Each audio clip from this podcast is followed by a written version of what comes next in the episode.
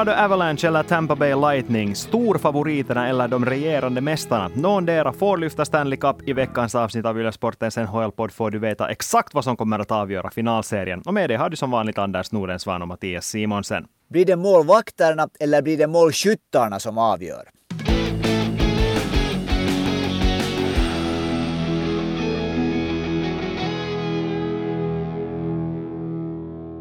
Ja, nu gick det ju så att Tampa Bay Lightning, de vaknade minsann mot New York Rangers, vände 0-2 i matcher till 4-2 och var till slut, nu får vi väl ändå säga att de var klasser bättre. Ja, alltså jag det där skulle vilja påstå att, att avgörande egentligen var i den där tredje matchen i Tampa när New York Rangers ledde i matchen med 2-0. De ledde den där matchen med, med 2-0 också. Så kom Tampa ikapp och precis när man börjar förbereda sig för att det ska bli en förlängning så gjorde Ondrej Polat en minut, under en minut kvar gjorde han segermålet 3-2. Och jag tycker att det var i det skedet som Rangers helt enkelt rasade ihop. De tappade tron på att de kan slå det här laget. Det var lite så kändes det ju som, men också måste vi ju säga att det syntes ju nog klart framförallt i slutet av den här matchserien att bensinen helt enkelt tog slut. Det, det fanns inte mera att ge, åtminstone om man tittar på de här toppspelarna som var inne på isen. Mika Zibanejad, Artemi Panarin, Chris Kreider. I den här sjätte matchen när de jagade det där sista målet som skulle ha fört matchen till förlängning. Så de var ju, det såg ut som att de stod på stockar till ben och kunde inte röra på sig, kom inte in i anfallszon, satte bara desperata puckar på mål som Vasilevskij hade några som helst problem att rädda. Det var bara jättetråkigt på något sätt när man tittar på och vet att, man, att de säkert vill ge så mycket mer, men att det helt enkelt inte bara finns i kroppen. Och det är förståeligt. De körde ju ändå två, match, två matchserier till Game 7 före det här och, och Tampa Bay Lightning fick ju vila rejält efter att ha slagit ut Panthers i fyra raka, så då, då är det ju liksom förståeligt men samtidigt lite tråkigt. Men det är fascinerande det det här just med när bensinen tar slut. För att i motsats tyvärr från det där när man tänker på de stigande bensinpriserna för tillfället. Så i ishockey så är det ju ganska mycket också fråga om en mental sak. Att, att det där när laget tror på att de kan vinna så någonstans ifrån kommer den där bensinen. Och jag på något sätt tycker det verkar mer och mer som att, att Rangers, att de liksom bara trodde att nej, det här laget får vi inte omkull helt enkelt. Och där måste vi lyfta fram att Tampa Bay Lightning är kanske det bästa laget i världen att döda momentum när Rangers fick de här små glimtarna, de här små gnistorna av hopp, som till exempel den här 1-1 kvitteringen i, i den sjätte matchen. Frank Vatrano sätter in alla jublar. Nu kanske de känner på bänken så att yes, nu fixar vi det här. Vi fick in den där pucken för Andrei Vasilevski. Vi kan fortfarande vinna den här matchen och hålla serien i liv. Och så tar det bara 20 sekunder sekunder så har Steven Stamkos satt in 2-1 målet och dödat den, den lilla kämpaglöden totalt. Det måste ju vara ett helt fruktansvärt lag att spela emot. För att såklart, alla bra lag ska ju tro att de vinner. Och jag har alltid funderat på det här att när ett lag säger att vi, vi vet att vi kan vinna om vi, om vi spelar vårt eget spel. Så när alla lag tror det, så varför är det något lag som vet det mera än de andra? Men Tampa tycker jag just att ha den här för tillfället, de är inne i den här någon sorts zon för tillfället, att de är fullständigt övertygade om att ingen kan slå dem. Och när de är tillräckligt övertygade om det, så liksom det gör dem till större. Det gör dem liksom att, att det på något sätt tror jag sprider ut sig en sån här aura, att, att det liksom smittar av sig på, också på de här motståndarna. Att här kommer de här killarna som vet att de är bäst. Ja, det är så grymt imponerande att se när ett lag är inne i den där zonen som du talar om. För det är ju exakt samma om vi drar paralleller till Finlands landslag de här senaste turneringarna. Det var exakt samma i VM 2019, det var exakt samma i OS i Peking, det var exakt samma nu i hemma-VM i Tammerfors. Det här var ett lag som man bara visste att de tror på sig själva, de tror på varandra, de tror på tränaren och hans system. De vet att de har det i sig att vända varje match och inte ens ett baklängesmål som kvitterar matchen får dem att tappa något som helst hopp, utan de vet bara att ah, de vill hoppa in på isen och göra ett mål i nästa byte. För det var exakt det vad Tampa Bay Lightning gjorde och det, det är ju kanske ändå inte så värst överraskande när man talar om ett lag som har vunnit två Stanley Cup-titlar på raken, men imponerande är det ändå. Det är liksom helt samma, de, är liksom, de blir inte imponerade av någonting vad motståndaren gör, så ska man inte bli det, men de är sådär liksom, okej, okay, liksom att, att, att vi kan bättre. Att, jag tycker att ett exempel på det här är att Zach Bogosian var i den här ena matchen när han plötsligt agerade som han skulle ha varit Bobby Hall. Alltså den mest tre bocken inom, inom det där backvärlden i NHL. Han drog, eh, finta sig förbi det där New York Rangers försvaret och Pat Maroon avslutade det anfallet. Så då var liksom att nu är nog det kokta fläsket stekt för Rangers liksom. Men om vi går in lite på Rangers då, så ja, man kan lyfta fram stjärnorna, men en sak som vi måste lyfta fram och som vi måste börja tala om, i och, vi är, i och med att vi är finländare, i och med att vi ändå följer med de finländska NHL-spelarna lite närmare än alla andra, Kaapo Kakko var petad i den sjätte matchen och Gerard Gallant kunde inte efter matchen ens berätta varför. Och jag förstår inte det här. Kidline med Kaapo Kakko, med Filip Hittil och Alexis Lafreniere var den klart bästa av Rangers. Så man spjälkar upp den, sätter Chytil och Lafreniere i olika kedjor och Kakko finns inte ens med i laguppställningen. Och istället har man en Ryan Strom där. Andra center förstås spelar så tillvida en viktig roll, men han var inte i spelskick. Han spelade inte alls i den tredje perioden och det här kan ju inte ha kommit som en överraskning för Rangers att han på riktigt är så pass skadad. Det här veck öppnar ju nog för en massa spekulationer faktiskt. Och jag, jag, sitter framför mig här nu med det där National Statrix statistik för playoff för New York Rangers. Och nu är det ju faktiskt så att en statistik som jag tycker att är ganska bra, det finns mycket som kan vara sådär att man att hoja, men det här att förväntade målprocenten. Så Capo Kakko har den högsta, hade den högsta förväntade målprocenten. 58,82 för alltså av alla New York Rangers forwardar. Högst av alla. Han var före Philippe Chutil, han var före Alexis Lafreniere.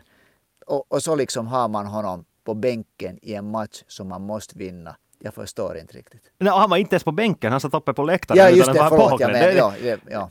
jag förstår inte riktigt heller. Och, det, och det, vi är ju inte ensamma om det här. I New York, i New York de här ska vi säga, insatta reportrarna som följer med Rangers hela säsongen, dag ut och dag in, så de förstår ju inte liksom riktigt heller. För det kändes som att när man läste de här artiklarna som skrevs i New York före den här sjätte matchen, så handlade det mest om att The Kidline måste få större ansvar att rycka om i de här andra kedjorna, men se till att den här Kidline som har varit genomgående hela slutspelet, Rangers bästa kedja, att se nu till att de åtminstone får chansen att visa upp sig. Och det är liksom sen galant bara gör det tvärt motsatta. Jo, det, det, är så, det är så underligt för att Kakko han bommade några chanser, men det gjorde de andra också. Men han var, jag tycker liksom, han hörde till de New York Rangers anfallarna som fick liksom saker att hända. Jag var ganska överraskad faktiskt att man inte försökte med honom mera i powerplay. För jag tycker att han just där framför målet och bakom målet. Det var, det var upprepade gånger som han kom ut ur dueller med pucken. Han förlorade också, det måste jag säga, det ska vi också säga. Den här, I femte matchen så förlorade han också ganska många. Men under hela den här liksom eh, slutspelsvåren så var han ganska bra med att just vinna de där liksom skitiga duellerna och få iväg en passning till det där Chytil eller Lafreniere att, att, och, och, det där, och vinna liksom tid och utrymme för Rangers. Att, överraskande. Och då måste man ju kanske lyfta fram det faktum att det är så att Kakkos kontrakt löpte ut nu. Han kommer att förhandla om ett nytt kontrakt i sommar. Han är begränsad fri agent. Och då kan vi kanske för det första gå igenom lite vad det innebär. Det innebär ju det att Rangers nu, för det första måste de ge någonting som heter en qualifying offer. Alltså de ger ett kontraktsförslag med en absolut minimilön. I Kakkos fall handlar det enligt uh, sajten Capfriendly som räknar ut, för det här är alltså sånt som går att räkna ut. Det här är stadgat i kollektivavtalet, hur, vad den här base salaryn, vad den här vanliga lönen lönen ska vara för en spelare i den här qualifying offer. För det baserar sig sen på den tidigare lönen som den här spelaren har haft. Och för i Kakkos fall, i och med att han då har spelat med ett rookie-kontrakt, så den här qualifying offern 832 500 dollar mot lönetaket per säsong. Så det är ju ingenting. Så såklart Rangers kommer att ge en qualifying offer och i och med det så har de sen rätten att förhandla med honom exklusivt, vilket innebär det att om ett annat lag då kommer in med en offer sheet, som har hänt till exempel med Sebastian Aho och Jesper Kotkaniemi, så måste, eller Rangers har rätten att matcha det här förslaget eller sen välja att någon annan klubb får ta honom. Men nu är de här konspirationsteorierna igång ju nu, för i och med att Kakko ändå har spelat på en, får vi säga, ganska blygsam nivå, med tanke speciellt på att han valdes som andra spelare i draften, då han gick i draften 2019, så kanske man kan tänka att okej, okay, nu ville de inte ens ge honom chansen att visa upp sig i den här sista matchen för att se till att den här förlängningen som han får nu är med så pass liten lön som möjligt så att han inte stör resten av lagbygget värst mycket. Visa åt honom att hej, att du har mycket att lära dig om du vill stanna här så det liksom, du ska inte vänta dig någon hög lön nu. Nå, så finns det ju också såklart, den verkar ju ganska långsökt om man tänker hur ung han är. Men det finns ju också den här tanken som nu emellan hade där kommit fram att av de här liksom unga spelarna som man satsar på i New York Rangers så där är ju såklart jag ska säga att Alexis Lafreniere är ju såklart den som man ser som, som den kommande franchise-spelaren och Adam Fox, 23-åriga backen, är säkert också en spelare. Man liksom, två liksom lite sådana byggklossar, man vill jämföra lite som Nathan McKinnon, Cale McCarr. De här råkar vara lite mer i samma ålder. Är Kakko sen den här biten som man anser att man kan offra från det här gänget? Ja, men jag bara ser inte varför man skulle känna Nej. att man måste offra honom. Att, att ja, han har inte varit den spelare som man kanske trodde att han skulle bli. Och ja, Rangers har jättestora problem med lönetaket. För nu ska vi inte sticka under stol med att Artemi Panarin har en lön mot lönetaket på över 11 miljoner dollar. Mika Zibanejad's nya lön kickar in från och med den här säsongen. Fram till nu hade han spelat med ett jätteförmånligt kontrakt, men nu får han ett ny, en kontrakt, uh, en löneförhöjning ska vi säga, en rejäl sådan, som nu för upp hans lön till 8,5 miljoner mot lönetaket. Chris Kreider har nu en förhållandevis låg lön med tanke på hur bra han spelar, 6,5 miljoner bara mot lönetaket, men ändå.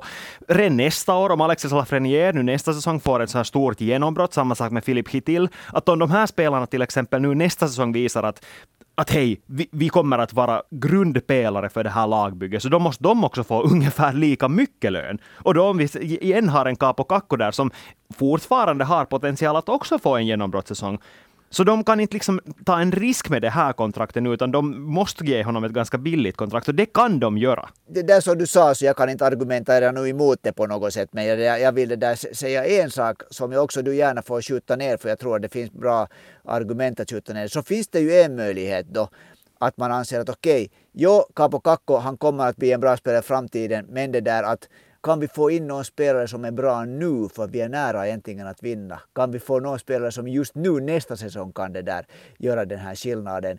Men, men det där, där kommer vi ju inte att, att de spelarna är så dyra att inte får man en sån med Capo Kakko heller. Nej, det är just det. Och inte det så att, att man skapar utrymme under lönetaket genom att inte förlänga med honom heller, för han har ju inte tagit upp någon, något som helst utrymme under lönetaket hittills heller när han har spelat med sitt rookie-kontrakt. Att det är bara, hela den här situationen är bara så jätte, jättemärklig hur man än vänder och vrider på den. Att, att, och det som gör det ännu mer intressant är ju det sättet som Gerard Gallant formulerar sig på den här presskonferensen efteråt, när han sa att, när de frågade helt rakt ut, varför spelar inte Capo Kakko?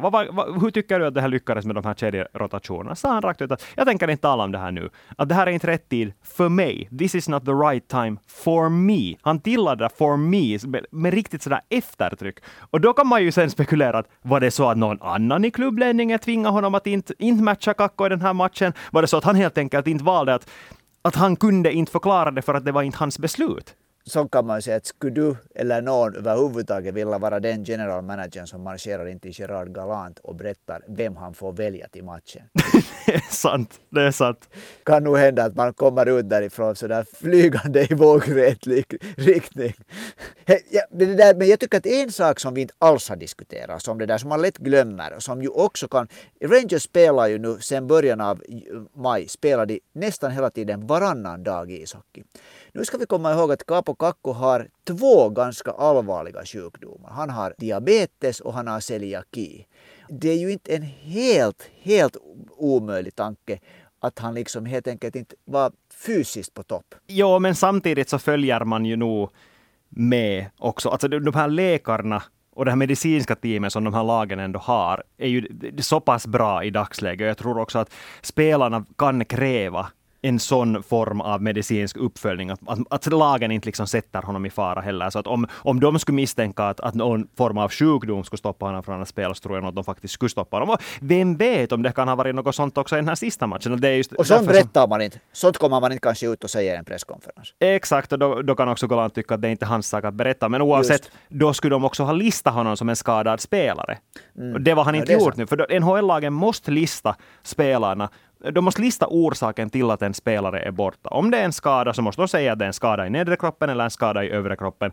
Eller om de är helt friska och skulle kunna spela så är de en så kallad healthy scratch. De får inte fuska med det här, för det finns följder om du fuskar med det här systemet. Och Kakko var en healthy scratch det här är en spekulation spekulation, men så vet man inte. Det kan finnas sådana här paragrafer att när det gäller till exempel någon sån här sjukdomar som alltså inte är en skada så kan det hända att det finns någon juridisk process att man inte får komma ut med sånt. Men det, där, det här är något verkligen spekulerat. Men jag måste korrigera en sak. Jag sa att det där hans höga procent att han var bästa av anfallarna var för förväntade mål. Nej, det var för faktiska mål. För faktiska mål. Han var inne under 17 mål, 10 mål för, 7 emot, 58,82. Det var bästa procent procenten av alla Rangers äh, anfallare. Så det var inte ens förväntat utan det var det som blev faktum på isen.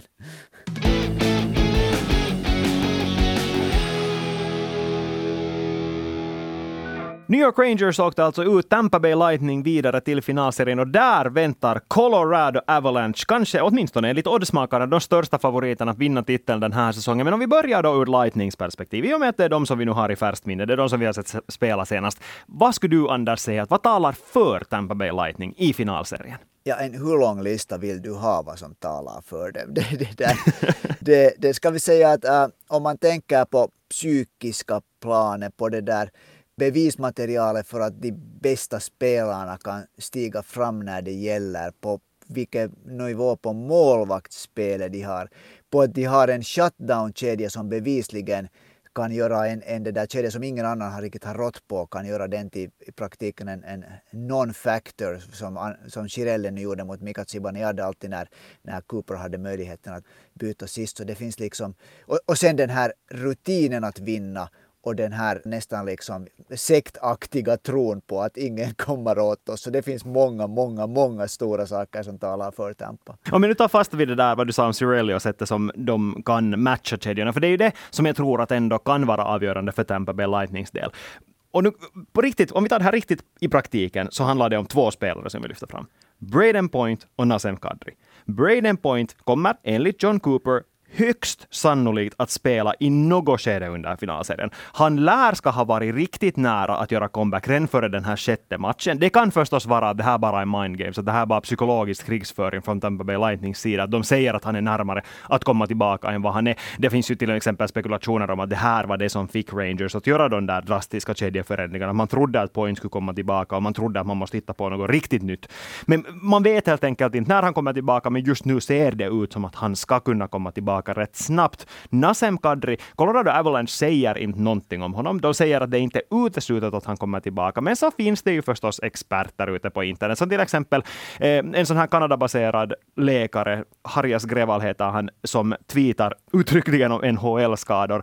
Väldigt insatt. Han är alltså läkare, helt på riktigt en läkare, som har sagt att för både Nasem Kadri och Andrew Cogliano, som båda har brutit ben i handen, så är allt annat än minst fyra veckors vila är väldigt osannolikt. Och det innebär då i praktiken att Nasem Kadri enligt all sannolikhet inte kommer att spela i finalserien och Braden Point enligt all sannolikhet kommer att spela i finalserien. Nå, det här ger ju då Lightning en fördel, tycker jag åtminstone, i och med att de får en till sån här stjärnpjäs, medan Colorado blir utan en, vilket gör just att Cooper kan röra om i kedjorna på ett sånt sätt att han lyckas skapa sådana här shutdown-kedjor mot den här, framförallt Nathan McKinnons kedja, för den blir ju plötsligt ännu viktigare för Colorado om jag tar fast vid de här två spelarna här, Point och, och Kadri också, så det där också sådana som inte är läkare, spelare som själva spelar, som har haft tummen av eller haft benbrott i tummen, har, har kommit ut och sagt att, att om du har ett problem med tummen så är det två saker du inte kan göra. Du kan inte skjuta och du kan inte teka.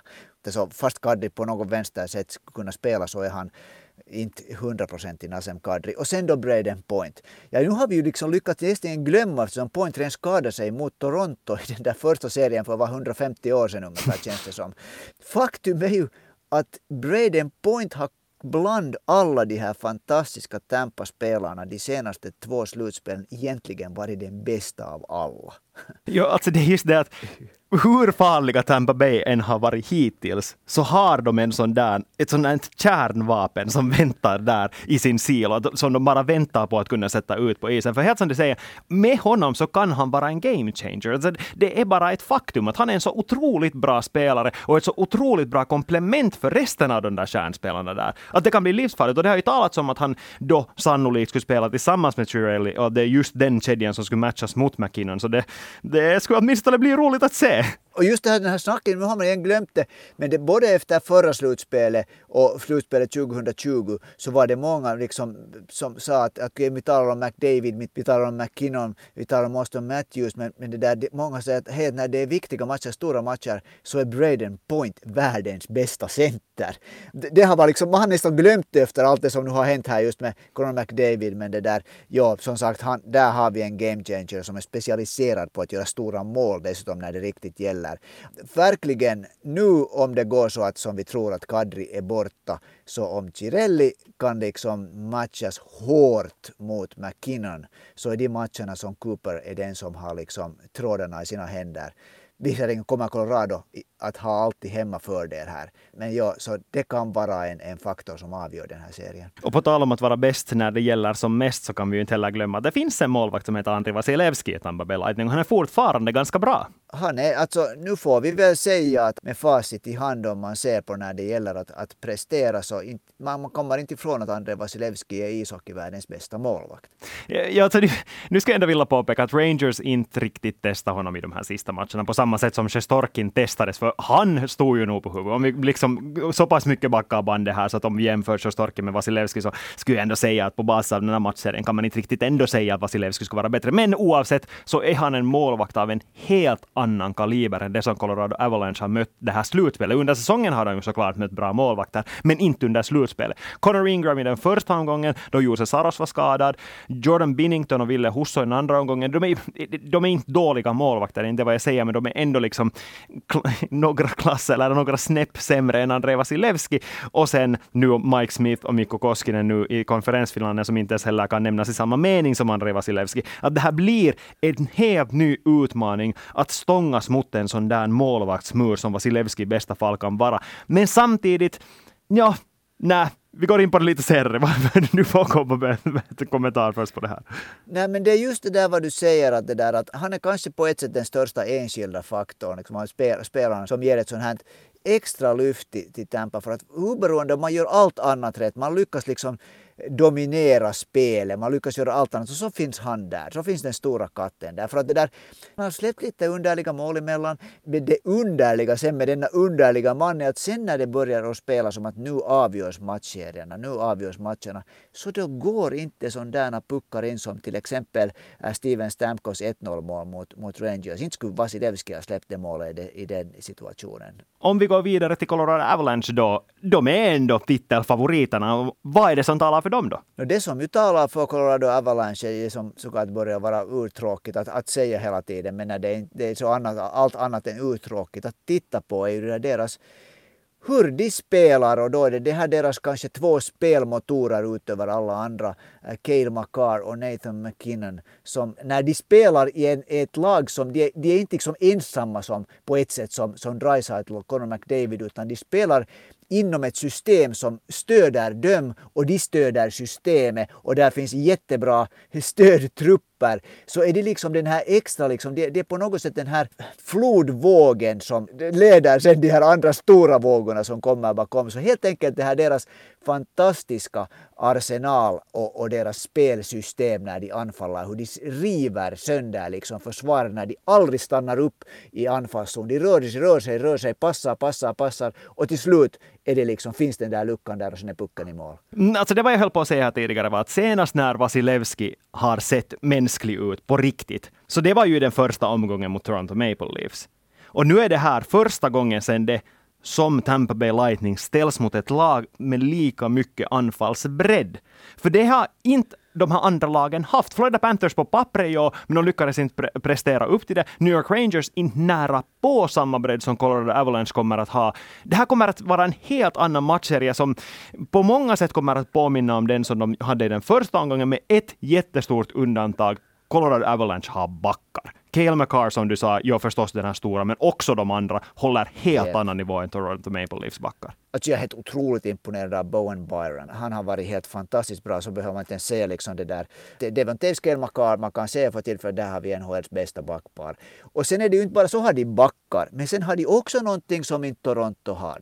De har Arturi Lehkonen som är en sån här liksom, den här spelaren som Toronto skulle behöva, just den här i brist nu på ett bättre ord så säger en sån här chit-spelare som gör liksom allt. Han, han är liksom själen i lagen. Och, och sen när det har behövts, när det riktigt behövts, när det varit slutspel så har JT Comfer, äh, tredje center som nu kanske blir andra center, stigit fram och gjort de här skitmålen när det har behövts. Liksom. Att, att de har så många sådana här pjäser som inget annat lag hittills har haft som, som Tampa har mött. Jo, jo, alltså jag menar, om man kan säga att Devon Taves hamnar lite i skymundan av två andra backar så vet man exakt hur bra deras backtrupp är. Och som också vi också talar om Mikko Rantanen i och med att han kommer ja. att spela en så otroligt viktig roll i just den här bredden som kommer att behövas mot Tampa Bay Lightning. Och det att han fick en sån islossning på något sätt som han ändå fick i de här två, ska vi säga i den, för, i den första omgången var han ju lite osynlig. I den andra gången började han stiga fram, stiga fram lite mera och jag tycker att han absolut steg fram mot Edmonton Oilers. Jo, Tampa Bay Lightning går inte ens att nämna heller i samma diskussion som Edmonton Oilers när vi snackar om hur bra lag som helhet är när det gäller framförallt att försvara. Så att det, det här blir en jättestor utmaning för honom, men om någonting så är han ju en som de litar på att är den som stiger fram om det skulle gå så att Tampa Bay lyckas nolla McKinnon. Ska vi säga att i, i 22 av NHLs 32 lag kanske så skulle Mikko Rantanen vara lagets bästa spelare. Han skulle vara den där, super, han skulle vara den där stjärnan som har marknadsförslaget. Men nu finns där Cale McCarron och Nathan McKinnon som oberoende hur fantastisk Mikko Rantanen är så är de ännu liksom, man, man kan inte undgå att de ännu imponerar en mera. Och sen finns det här då en av de spelarna som, som det där aldrig kanske får tillräckligt med uppmärksamhet men som är en av de absolut tuffaste spelarna att möta Gabriel Landeskog som dessutom gör stora mål och är liksom en kapten med verkligen moralisk ryggrad. Att där finns en sån otrolig arsenal. Och Landeskog kan också spela i den här ytterst breda gråa zonen mellan vad som är en ren och vad som är en fultackling, som Tampa Bay Lightning också kan göra och som ett lag dessvärre, eller vad, vilka ord man nu använder där före, men ett lag måste kunna göra det för att slå Tampa Bay. Och så glömde vi ännu en, eller jag åtminstone glömde att nämna ännu, tala om Arturi Lehkonen som är chipspelare, men så finns ju Valentin Tjuskin där. Han matchar egentligen på alla de här Lehkonens stora styrkor, Lehkonen hela tiden. Han är liksom lika bra, om inte bättre till och med än Lehkonen. Men vet du vad? Nu måste vi slå fast hur det ska gå. Vem tycker Anders Nordensvan att kommer att lyfta Stanley Cup-bucklan efter att den här matchserien är över? No, jag skulle så väldigt, väldigt gärna säga att jag, jag tror och tycker att det är Colorado Avalanche. Men jag kommer inte ifrån att jag tror att målvaktsspelet kommer att avgöra den här serien. För Tampa har också en bra anfallsarsenal.